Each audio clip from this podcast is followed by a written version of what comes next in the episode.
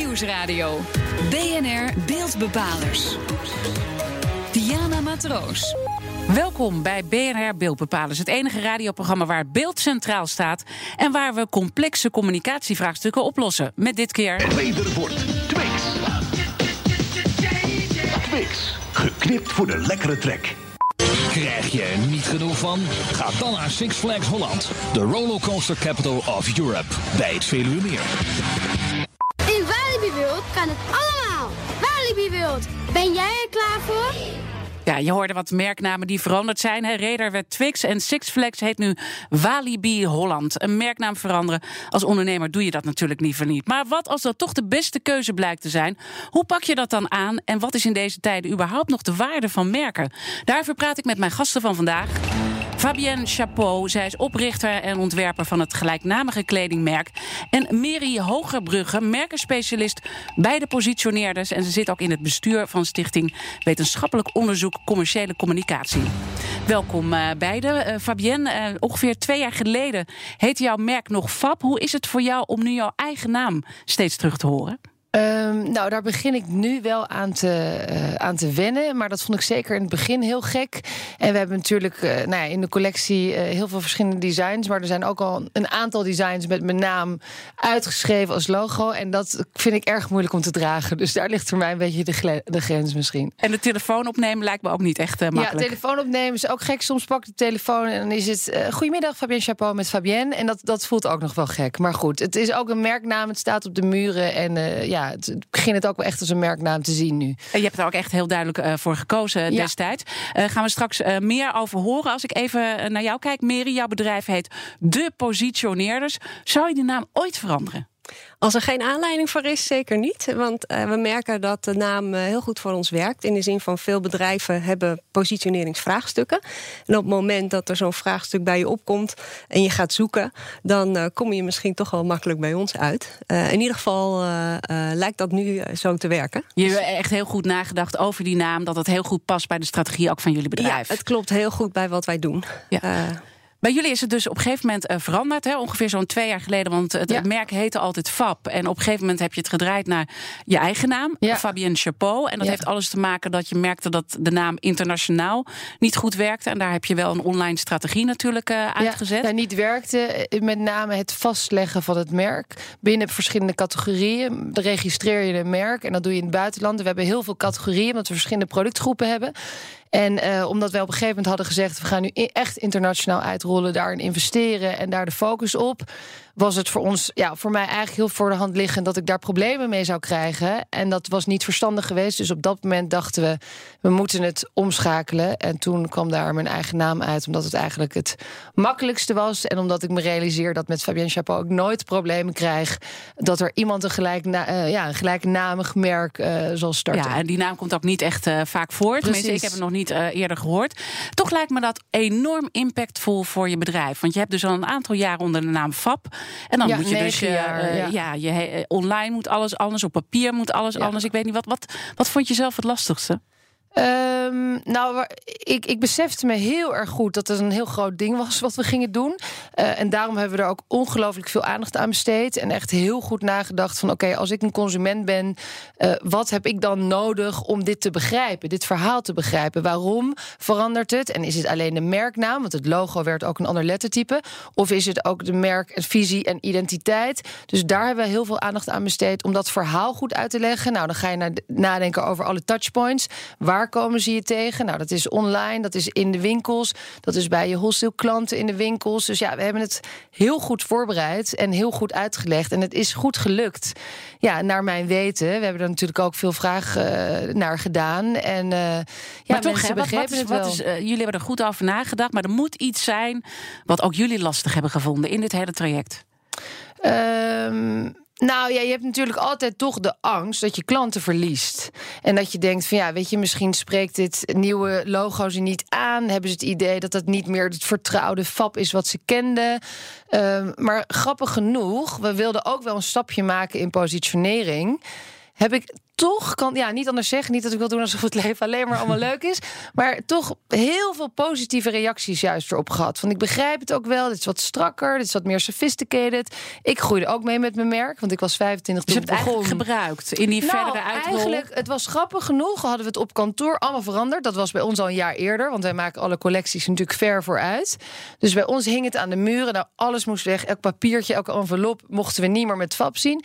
Maar het klopte ook echt. We waren heel erg klaar voor FAP 2.0 om het Dus naar een hoger timing niveau te eh, goed. brengen. Ja. ja precies. Mary, hoe, hoe kijk jij hiernaar als merkenspecialist? Is het verstandig om je merknaam te veranderen? Nou, in algemene zin zou ik zeggen nee. Want je bouwt natuurlijk in je merk waarde op. Eh, niet alleen je bekendheid, maar ook waar je voor staat. Hè, de belofte die je doet naar de markt. Dus een merknaam veranderen betekent eigenlijk dat toch weggooien en opnieuw beginnen. En natuurlijk probeer je dan vaak in zo'n verandering hè, die waarde wel mee te nemen. Ehm, maar daarbij zeggen we altijd: kijk dan ook wat je nieuwe verhaal kan zijn. eh, en wat je eh, met die nieuwe naam naar de, naar de merken of naar de markt wil brengen. Ehm, maar dat, dat is een hele grote operatie. Het is risicovol, eh, geef je Risicovol, aan. ja. Wat valt je op in het verhaal van Fabienne? Nou, wat mij opvalt is ehm, eh, dat zij zegt... we zagen het ook echt als een eh, FAP 2.0. Eh, dus dat ze heel goed hebben nagedacht over... wat is dan dat nieuwe verhaal wat we naar de markt brengen. Waarmee eigenlijk dan zegt... die naamsverandering is niet de kern van het verhaal... maar wij zijn toe aan een nieuwe fase voor het merk. En de naam bevestigt eigenlijk de nieuwe, het nieuwe merk waar we voor staan.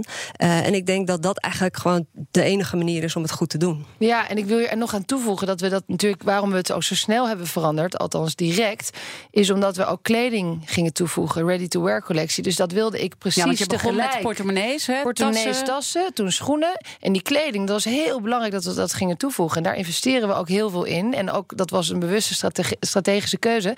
Dus om dat te zorgen dat dat dus samenviel, precies wat jij inderdaad aangeeft, zodat je een verhaal hebt bij die nieuwe merknaam. Dus het, dat kwam eigenlijk goed uit. En daar hebben we nou ja, alle- alles uitgehaald. Ben je daar ook iets door eh kwijtgeraakt? Of zijn er toch klanten die in verwarring zijn geraakt, dat je dat hebt gemerkt? Ja, ik denk wel dat we sommige FAP-klanten eh, zijn verloren. Maar we hebben ook ontzettend veel nieuwe klanten daarvoor teruggekregen. Waar we ook heel blij mee waren. Ook weer een ander segment of een ander type. Dus het, het heeft voor ons echt goed uitgepakt. Kan niet anders zeggen. Ja. Jij kijkt natuurlijk naar heel veel merken vanuit jouw vakgebied. Mary, zie je dat bedrijven daar meer mee worstelen dan in het verleden... als het gaat om die merknaam nou ja, te behouden... dan wel de keuze te maken om die te veranderen? Ehm, ja, misschien wel. En dat heeft ermee te maken dat merken natuurlijk altijd op zoek zijn naar manieren om hun business uit te breiden. Hè, dus dat ze vaak proberen in andere markten ook succesvol te zijn. En dan komt automatisch de vraag: wij waren altijd verbonden met, nou, bijvoorbeeld boeken. Als je bol- bol.com als voorbeeld neemt. Eh, we willen meer gaan doen. Eh, past dat dan al nog wel onder onze naam? Ehm, en eh, dus ja, eh, dat zie je. eh, ja, want zeker misschien is dit een goed voorbeeld als je even dat bol.com pakt. Hè? Die zijn dan heel succesvol met die naam. Dus die kunnen niet zeggen, net zoals Fabienne, die gooien we weg. Dat is in, de- in dat geval niet verstandig. Nee, nou, ik denk dat dat voor veel merken in eerste instantie echt een hele goed doordachte beslissing moet zijn om je merknaam weg te, weg te gooien. Want Bol weet niet of ze het echt overwogen, maar in ieder geval merkten ze wel dat hun merknaam beperkend was op het moment dat ze een breder assortiment wilden voeren. Want ze, eh, ze adverteerden eh, nou, al best een tijdje en behoorlijk veel geld gespendeerd aan bijvoorbeeld eh, speelgoed. Maar mensen zagen dat helemaal niet. Want op het moment dat ze dachten, oh, dit is een eh, reclame van bol.com, was in het hoofd al de associatie met boeken gelegd. Dus wat ontzettend belangrijk is op het moment dat je wil verbreden, is dat je eigenlijk ook een hele nieuwe betekenis aan je merk geeft. Eh, dus er ligt wel een opdracht eh, voor dat merk eh, om die verbreding ook waar te maken. Maar dat is absoluut mogelijk, ook zonder je naam te veranderen. Die opdracht hè, die je dan voelt aan alle kanten, heb jij dat ook gevoeld toen je dus met al die bedrijven waar, hè, dus ook bepaalde warenhuizen, waar producten van jou worden verkocht, dat je die daar ook bij moet betrekken? Je bedoelt bij het wijzigen van de merknaam? Ja. ja, enorm. Nee, we hebben e- echt samenwerkingen aangegaan. En we zijn juist met onze ja, retailers, zoals we dat noemen, of onze wholesale klanten. Daar hebben we, ja, hebben we een goede briefing aangegeven. En gezorgd dat daar ook het verhaal naast die producten weer werd verteld. We hebben presentaties gegeven in de winkels waarom we het, eh, de naam veranderen. Dus we hebben het ja, heel, heel constructief aangepakt. Eh, nee, absoluut. En dat is dus een van de touchpoints. Ook in die winkels moet, moet ook iedereen iedereen, ook de verkoper daar, moet snappen waarom het een andere naam heeft. Dus, dat, Ja. dus het kost heel veel tijd en moeite, maar wel nodig. Is er nog een risico om je eigen naam eraan te verbinden? Want eh, Fabienne Chapeau heeft dus nu haar eigen naam verbonden aan haar eh, kledingontwerpen. Is dat, is dat een risico? Ehm, ja, natuurlijk wel. Want als mens, eh, ook in je dagelijks leven, zeg maar, communiceer jij eh, voor het merk. Eh, en ik denk dat dat gaf Fabienne net ook aan, hè, dat je even moet wennen. Dat er dus kennelijk wel een soort scheiding gaat zijn tussen wat het merk is en wat je zelf bent. Maar toch heb je natuurlijk altijd impact ook op je, op je bedrijf. als, je, als dat jouw naam draagt. Heb je dat gevoeld? Nou, wat ik met name probeerde, is om niet te veel beren op de weg te zien. en ook niet echt in de toekomst te kijken. Want het zou natuurlijk kunnen dat het op een gegeven moment. Ja, het, het, eh, wie weet, de andere kant op gaat. Of je weet natuurlijk niet wat er met je merk gaat gebeuren. En het zal altijd mijn naam blijven houden. Maar toch probeer ik gewoon heel erg in het nu te leven en het positieve te zien. En dan zie je wel. En dan zien we wel. Straks, je hebt als merk een doelgroep natuurlijk voor ogen. Maar hoe weet je of je nou echt de juiste personen weet te raken? Zometeen meer in BNR Beeldbepalers. BNR Nieuwsradio. BNR Beeldbepalers. Welkom terug bij BNR Beeldbepalers. Dit keer hebben we het over merknamen. En voor de reclame hebben we besproken waar bedrijven mee worstelen. Bijvoorbeeld als ze merken dat die bedrijfnaam niet meer werkt, die merknaam. En dat ze dat nu moeten veranderen. Nu gaan we met mijn gasten praten over hoe je nou een sterk merk neerzet, dan wel uitbouwt. Mijn gasten zijn Fabienne Chapeau. Zij is oprichter en ontwerper van het gelijknamige kledingmerk. En heeft dus een aantal jaar geleden de naam veranderd, de merknaam. En Miri Hogerbrugge, merkenspecialist bij de positioneerders. En jij helpt eh, bedrijven, eh, volgens mij eh ABN AMRO onder andere. Hè, noem er eens een paar eh, die je helpt bij de strategie. Ehm, nou, Talpa, eh, ABN AMRO inderdaad. Ehm, maar ook Fairphone, eh, UNICEF. heel commercieel en consument, maar ook minder commercieel en in business-to-business markten. Om echt Heel na breed. te denken hoe ze een sterk merk kunnen neerzetten. Want daar gaan we nu even over praten. Wanneer is iets een sterk merk? Ja. En hoe doe je dat? Vind je al- allereerst dat je een sterk merk hebt, Fabienne? Nou, natuurlijk begin ik met ja. Maar dat kan altijd sterker en beter. Ja, wat kan een sterker en beter? Eh, sterker en beter kan eh, continuïteit. Dat is waar we het heel erg veel over hebben nu met z'n allen bij ons eh, op kantoor. Ehm, en ik ben natuurlijk begonnen met FAB. Nou, toen we Fabienne Chapeau werden, dus dat is ongeveer 2,5 jaar geleden. Daar is wel iets veranderd. Sowieso deden we kleding. Dus op die manier hebben we onze identiteit op een andere manier laten zien. Maar we hebben ook de lat een stuk hoger gelegd in positionering en in merkbeleving. hoe dan? Eh, door bijvoorbeeld echt op te gaan schrijven van wat zijn nou onze merkwaardes, waar staan we voor, hoe communiceren we dat? Nou, in de afgelopen jaren is Instagram er ook bijgekomen. Dat is echt een medium waar je heel erg sterk je identiteit neer kan en denk ik moet neerzetten. Dus we hebben ook heel veel geleerd de afgelopen jaren, maar we zijn sinds we kleding doen nog steeds in ontwikkeling. Dus we zijn met elkaar elke dag bijna aan het praten over hoe kunnen we onze identiteit eh, op elk moment dat de consument met Ja. ons in aanraking komt, duidelijk overbrengen. En is het dan zo dat je marktonderzoek doet om te kunnen achterhalen, nou ja, wat, wat degene die jouw kleding of, of jouw schoenen of jouw tassen koopt, eh, bij wie dat terechtkomt? Of je echt de doelgroep raakt die je wil raken? Ja, daar absoluut. Daar kijken we heel erg naar. En dan kijken we, ja, willen we dat ook? Staan we daar ook achter? En welke keuzes hebben we dan afgelopen seizoen gemaakt, waardoor dat ofwel die doelgroep bereikt of juist niet? Dus we zijn ja, daar heel goed naar aan het kijken. om Wat de werkt juiste wel en niet? beslissingen- Wat heb je geleerd in die afgelopen periode? Nou, ehm, ja, misschien zullen mijn klanten dit herkennen als ik dit zeg. Wat wij geleerd hebben, wij hebben hele. We kwamen met prints twee jaar geleden. Hele opvallende prints die op je netvlies blijven. En dat was echt te gek. Dat was onze kickstart. En dat, nou ja, ik denk dat de mensen die het merk kennen, die hebben dat op veel plekken gezien. Maar dat was ook onze valkuil. Want dat betekent dat het op een gegeven moment zo zichtbaar werd dat je denkt, ja, maar als ik dat blouseje met die palmen aan heb, dan heeft, die kom ik misschien nog wel iemand tegen. En dat was, we hebben de kreeft gehad afgelopen seizoen, groot succes. Maar dus wat hebben wij geleerd? Dat we door moeten ontwikkelen in prints op een andere manier. Dus wel onze identiteit vasthouden, maar blijven vernieuwen op een andere manier in prints dan als voorbeeld. Ja, want jullie willen volgens mij eh, er zijn de klant van Chapeau, hè, van Fabienne Chapeau, is boldly feminine.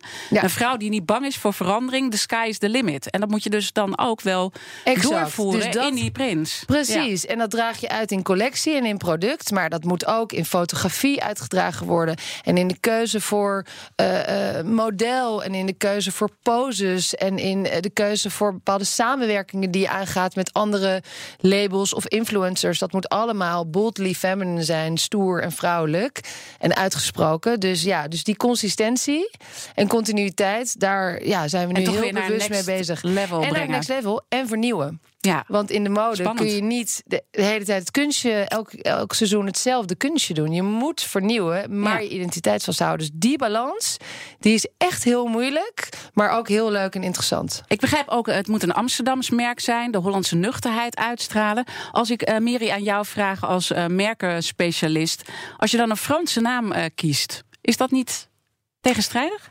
Ehm, nou ja, in ieder geval eh, vertelt de naam niet dat het Amsterdams is. Hè? Dus je hebt dan eh, meer En uit de te Hollandse leggen. nuchterheid. En de Hollandse nuchterheid. Ja, dus dat betekent dat je dat verhaal nog extra moet aanzetten en duidelijk voor het voetlicht moet brengen. eh, op het moment dat je dat echt belangrijk vindt, dat dat herkend wordt in je merk. Doe je dat ook? Eh, ja, dat doen we inderdaad met eh, eh, de knipoogjes. Maar nou, ik moet wel toegeven, is een goed punt. Ik vind het dan ook wel weer interessant dat mensen een beetje in de war raken van een Franse naam. En dan staat er Amsterdam onder. Dus ik vind dat ook wel weer in de mode is het soms ook wel leuk wil een als beetje het verwarring zaaien misschien? Nou, als het soms niet zo klaar als een klontje is. Hier hebben we ook discussies over hoor. De ene keer wil je eigenlijk natuurlijk heel duidelijk je verhaal vertellen. Maar een beetje het onbereikbare soms in mode kan ook juist wel iets triggeren bij consumenten. Dat Ja. het dus niet te obvious is. Dat je denkt, oh, daar wil ik wel iets meer van weten. Maar eh, de, de Hollandse nuchterheid zit hem ons vooral in de knipoog... en in de kleding die we maken. Er zit altijd iets gekkigs bij. We nemen, ons niet, we nemen de mode niet, Niet te, te serieus. serieus. En dat is ook bijvoorbeeld in prijs voor ons ook heel belangrijk. Dat we niet te duur zijn. Kwaliteit, prijs is heel belangrijk. Als we even kijken hoe we een sterk merk eh, kunnen neerzetten. En ook even kijken, jij bent bijvoorbeeld met de reisorganisatie Kras eh, bezig, heb ik begrepen. En dat is toch wel, heeft een beetje een stoffig imago. Dus ze hebben je denk ik niet voor niks ingehuurd om daar wat aan te, te veranderen. Terwijl ze ook juist heel avontuurlijke reizen doen. En je denkt toch een beetje aan de busreizen naar Europa. Hoe kan je dat nou sterk gaan neerzetten vanuit jouw expertise? Ik denk dat het begint bij heel goed ehm, voor ogen hebben wat dan de kern van zo'n merk is. Dus bijvoorbeeld bij krasreizen gaat het ook echt even om de vraag van maar wat is dan die identiteit die wij hebben? Eh, en is de kern groepsreizen? Of is het eh, avontuurlijk eh, nou ja, verre oorden ontdekken? Of zijn we er voor een specifieke doelgroep? Bijvoorbeeld een 50-plusser met hele eigen wensen en ideeën over hoe ze reizen willen invullen. En het, het is natuurlijk allemaal een beetje waar, maar het gaat om welk element pak je Dus daar dan uit ja, goed weten wat het is en dan kiezen. En dan dat zo inderdaad consistent mogelijk, aansprekend mogelijk eh, voor het voetlicht brengen. En zorgen dat het goed aankomt bij, eh, bij de doelgroep. En als je dat dan breder trekt en ook naar andere bedrijven kijkt, als je je merk eh, sterk wil neerzetten, wat, wat komt er dan nog meer bij kijken?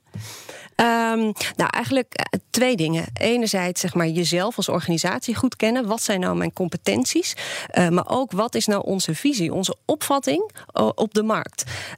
En je kunt, als je een kledingmerk he- hebt of bent, op hele verschillende manieren naar een markt kijken. Maar ook als je reisorganisatie bent, kun je hele verschillende ideeën hebben over wat reizen is en wat reizen betekent voor mensen. Nou, die opvatting die in een organisatie leeft, bij een merk zelf leeft, daar moet je je heel erg bewust van zijn. En vervolgens moet je natuurlijk ook die markt goed kennen. Van wie is nou precies mijn doelgroep? En welke behoeften leven daar? Eh, waar kan ik nou precies bij aanhaken? Eh, en hoe doen mijn eh, concurrenten dat? En waar ligt dan nog een ruimte?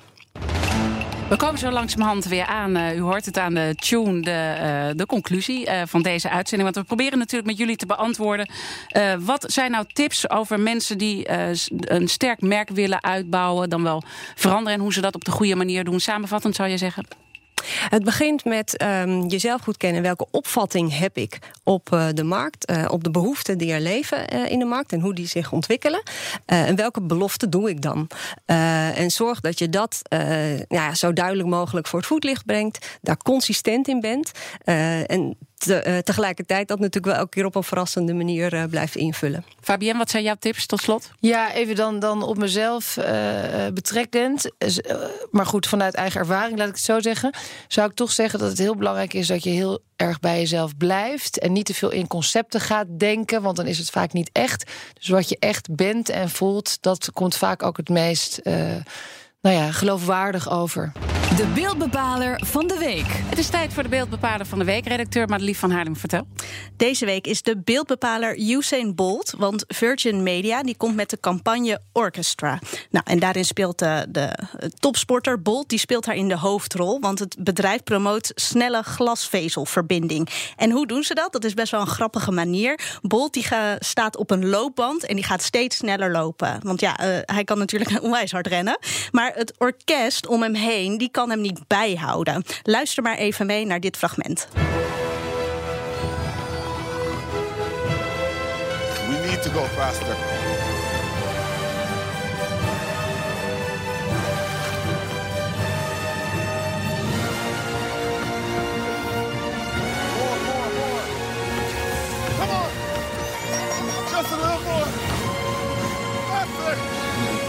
Doel van de campagne is dus dat mensen ook gaan overstappen uh, naar Virgin Media voor snelle internetverbinding. Dus ik ben nu wel benieuwd, Mary.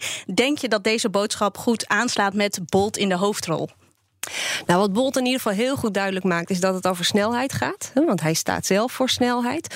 Uh, en mensen willen graag snel internet. Ja, wat je met zo'n commercial ziet, is dat uh, die snelheid dan heel erg uitvergroot wordt. Hè. Dus dat is eigenlijk één element. Uh, en dat wordt bovendien op een hele impactvolle manier gedaan. Dus het is echt een awareness campagne. of het mensen direct triggert om hun nou, huidige abonnement over te zetten naar, naar Virgin, dat weet ik niet. maar in ieder geval profileren ze zich hiermee op een, uh, nou, denk ik, relevant kenmerk. Ja, wat, wat zou eraan ontbreken dan? Dat je twijfelt, gaat dit echt werken? Nou, ik vind dat je heel weinig verder leert over, uh, over de organisatie en het overstappen en uh, ja, ja, committen aan een andere partij. Dat vraagt soms wat meer dan alleen maar één ja, zeg maar kenmerk van je dienstverlening uitvergroten.